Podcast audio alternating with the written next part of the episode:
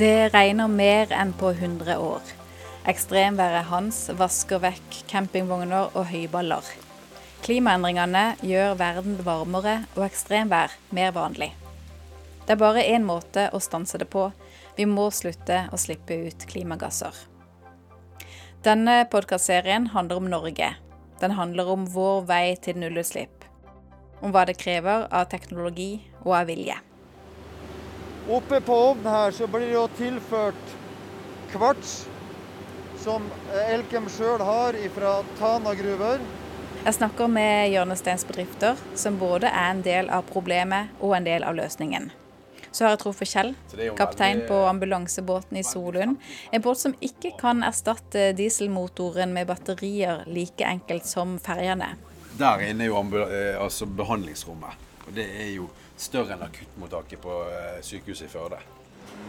Så jeg har vært i fjøset til Peder og klappa kyrne som aldri kan bli utslippsfrie. Og så har jeg møtt Astrid i Høyanger, en kommune der spørsmålet om ja eller nei til vindkraft engasjerer de fleste som stopper opp og snakker med eh, kandidatene, eh, vil egentlig ha fram helt tydelig er du for eller mot vindkraft.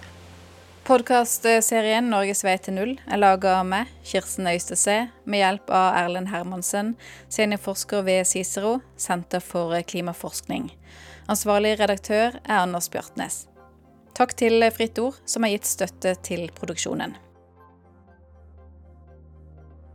Erlend, vi sier at for å stanse klimaendringene, må vi slutte å slippe ut klimagasser.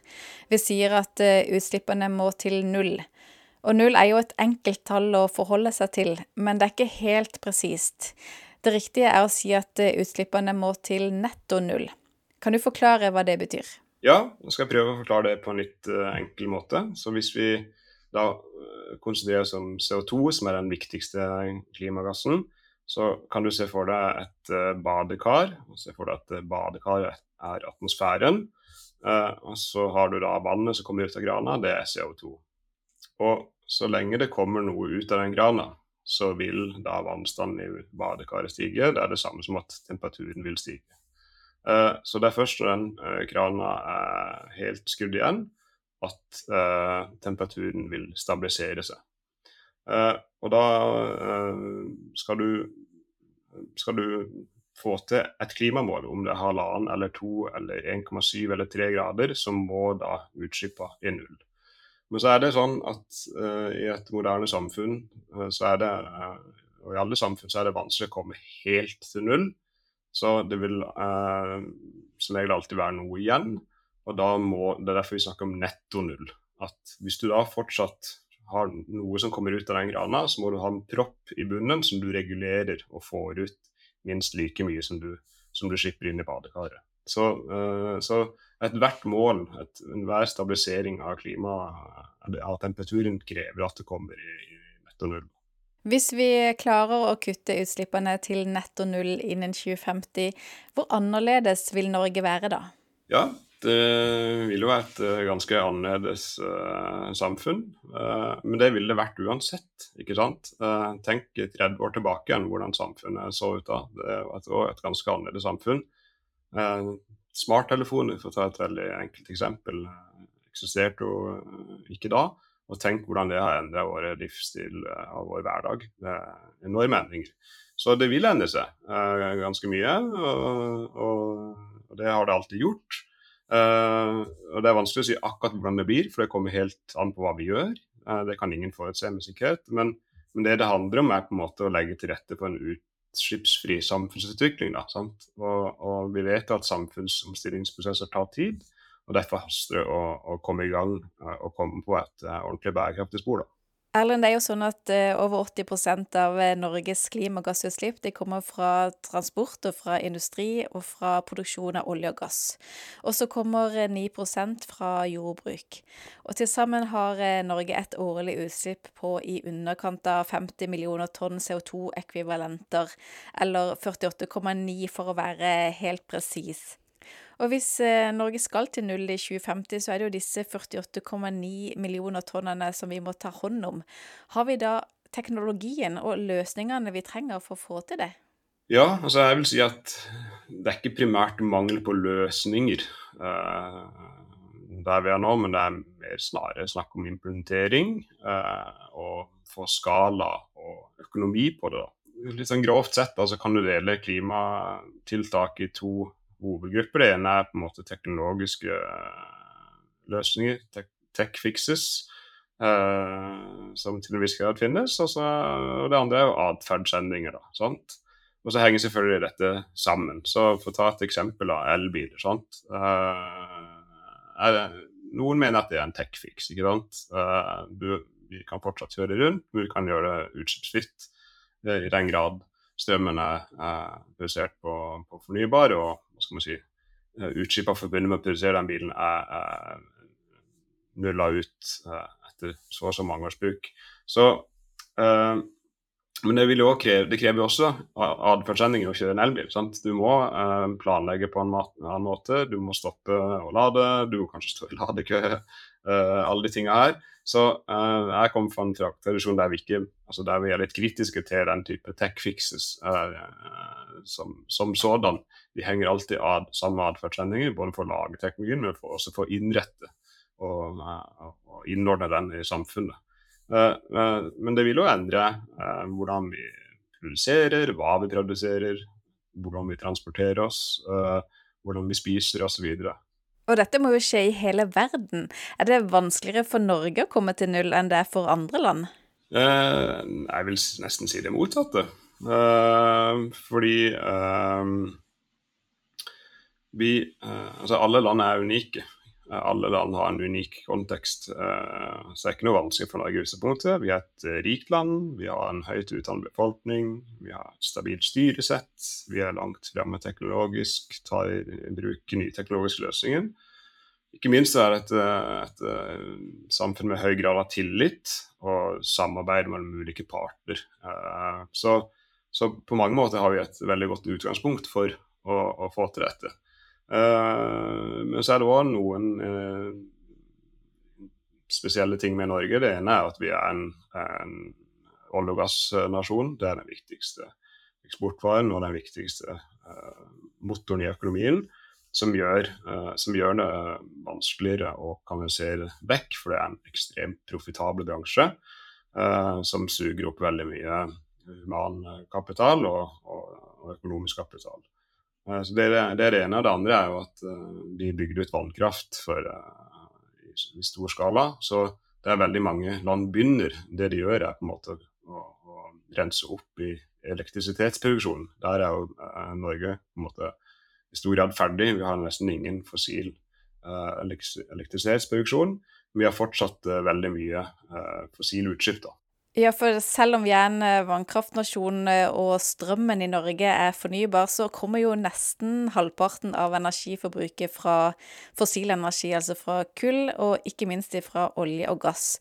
Men du sa at vi er bedre stilt enn mange andre fordi vi har eh, mange forutsetninger for å lykkes.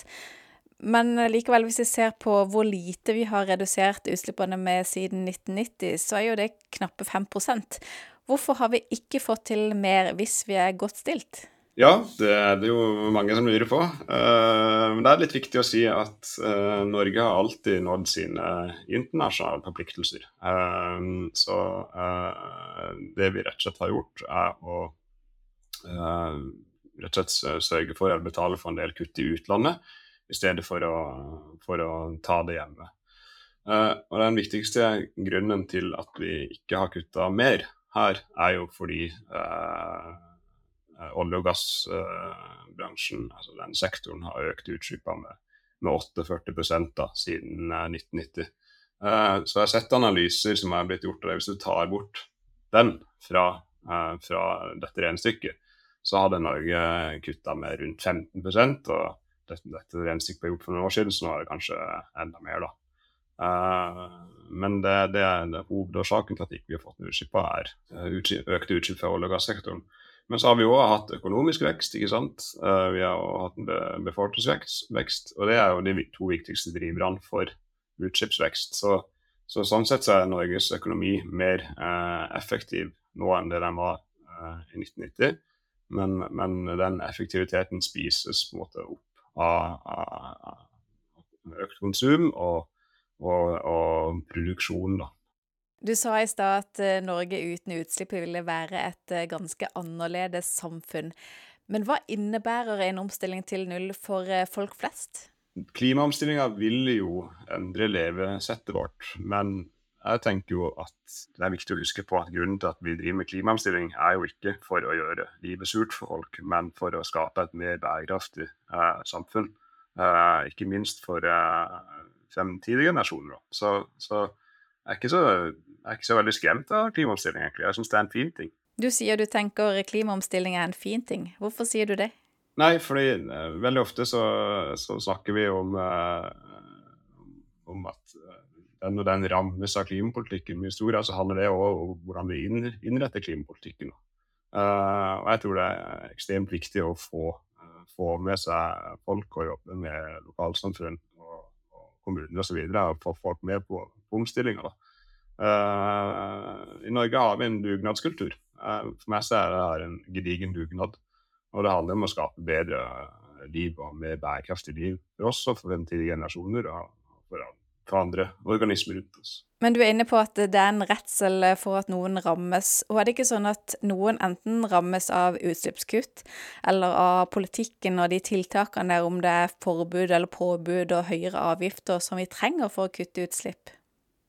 Ja, eh, igjen så henger det veldig tett sammen med hvordan vi innretter uh, klimapolitikken. Så i Norge har vi jo f.eks. hatt kostnadseffektivitet som et, som et, veldig viktig prinsipp. Og det handler om at da legger du på en måte skatter og avgifter på det du vil ha mindre av, så blir det mindre av det. mindre av klimagassutslipp. Og det er det gode argumenter for. men det kan òg skape motstand, ikke sant. At det blir dyrere å kjøre, eller at du må betale mer i, i klimaavgifter osv. Så, videre. så så kostnadseffektivitet er viktig. Men styringseffektivitet er en, et annet prinsipp som er veldig viktig. At du styrer mot mål. I Norge så bruker vi ganske mye uh, biodrivstoff inn, som blandes inn i, i, på, altså ved pumpa. Og det er jo et styringseffektivt uh, virkemiddel som, som Eller tiltak som som gjør at du uh, Som er en Det er jo på mange måter en, en indirekte subsidie, da. Men uh, det er ikke så mye motstand mot det. sant? Det, det, det, og det er mye å si om biodrivstoff, men det er et eksempel på et styringseffektivt uh, tiltak som, som, som, gir utslippskutt i, i Norge. så, og grunn altså, Det er sikkert mange som har hørt om Inflation Reduction Act i, i USA. Uh, som er da en så, egentlig en sånn gigantisk subsidiepakke for, for, å få fart på den grønne omstillinga i USA. Og, og, en av grunnene til at vi har, uh, at, den, at det, den har blitt vedtatt, den pakka, er jo fordi man har forsøkt å innføre restriktive virkemidler eh, i USA i ganske lang tid, med tanke på kostnadseffektivitet, f.eks. karbonhandel og den type ting. Men det møter veldig stor motstand i, i, USA, og da har man gått mer over til subsidier. Det er en dyrere klimapolitikk, men den skaper mindre motstand, og, og den kan ta deg nærmere målet. Så den miksen mellom hva skal man si, pisk og gulrot, da, eh, den er det jo vi selv som, som, eh, som, som styrer hvordan vi innretter politikken. Men, eh, og kostnadseffektivitet er et viktig prinsipp, men du må, ikke, du må ha med deg styringseffektivitet som et prinsipp. da, At du faktisk når målet, at du rigger, på rigger politikken din på en måte som gjør at du når målene dine. Og vi kan jo til en viss grad i hvert fall være med å påvirke politikken eh, ved å stemme. Men hva må vi gjøre sjøl for å få til et uh, nullutslippssamfunn? Jeg pleier ofte å si at alle bør gjøre det de kan for den posisjonen de er i. da. Så enten, Og vi går inn i mange ulike roller i løpet av en dag ikke sant, som mennesker. Men fra å være forbruker til kanskje bedriftsleder eller styremedlem, eller hva det handler om, da, så handler det om å, å bidra ut fra de rollene og de posisjonene du har til enhver tid. Da. da kan vi stille oss Hvorfor går vi og stemmer, da? Sant? For én stemme i, i, i stemmekassa betyr jo i det store og hele veldig lite, men alle bidrar der. Hvorfor gjør det? Jo, for det skaper et større kollektivt eh, gode, nemlig et velfungerende demokrati. ikke sant? Litt det samme er det med klimaomstilling, at alle målene drar i, i, i, det lange løp. Og, Og, og helt konkret, f.eks. dropper du å kjøre til jobb med en bensinbil og heller sykler, så har du kutta de utslippene. Men å droppe den ene kjøreturen, det kan jo føles litt smått og ubetydelig hva vi gjør sjøl i hverdagen.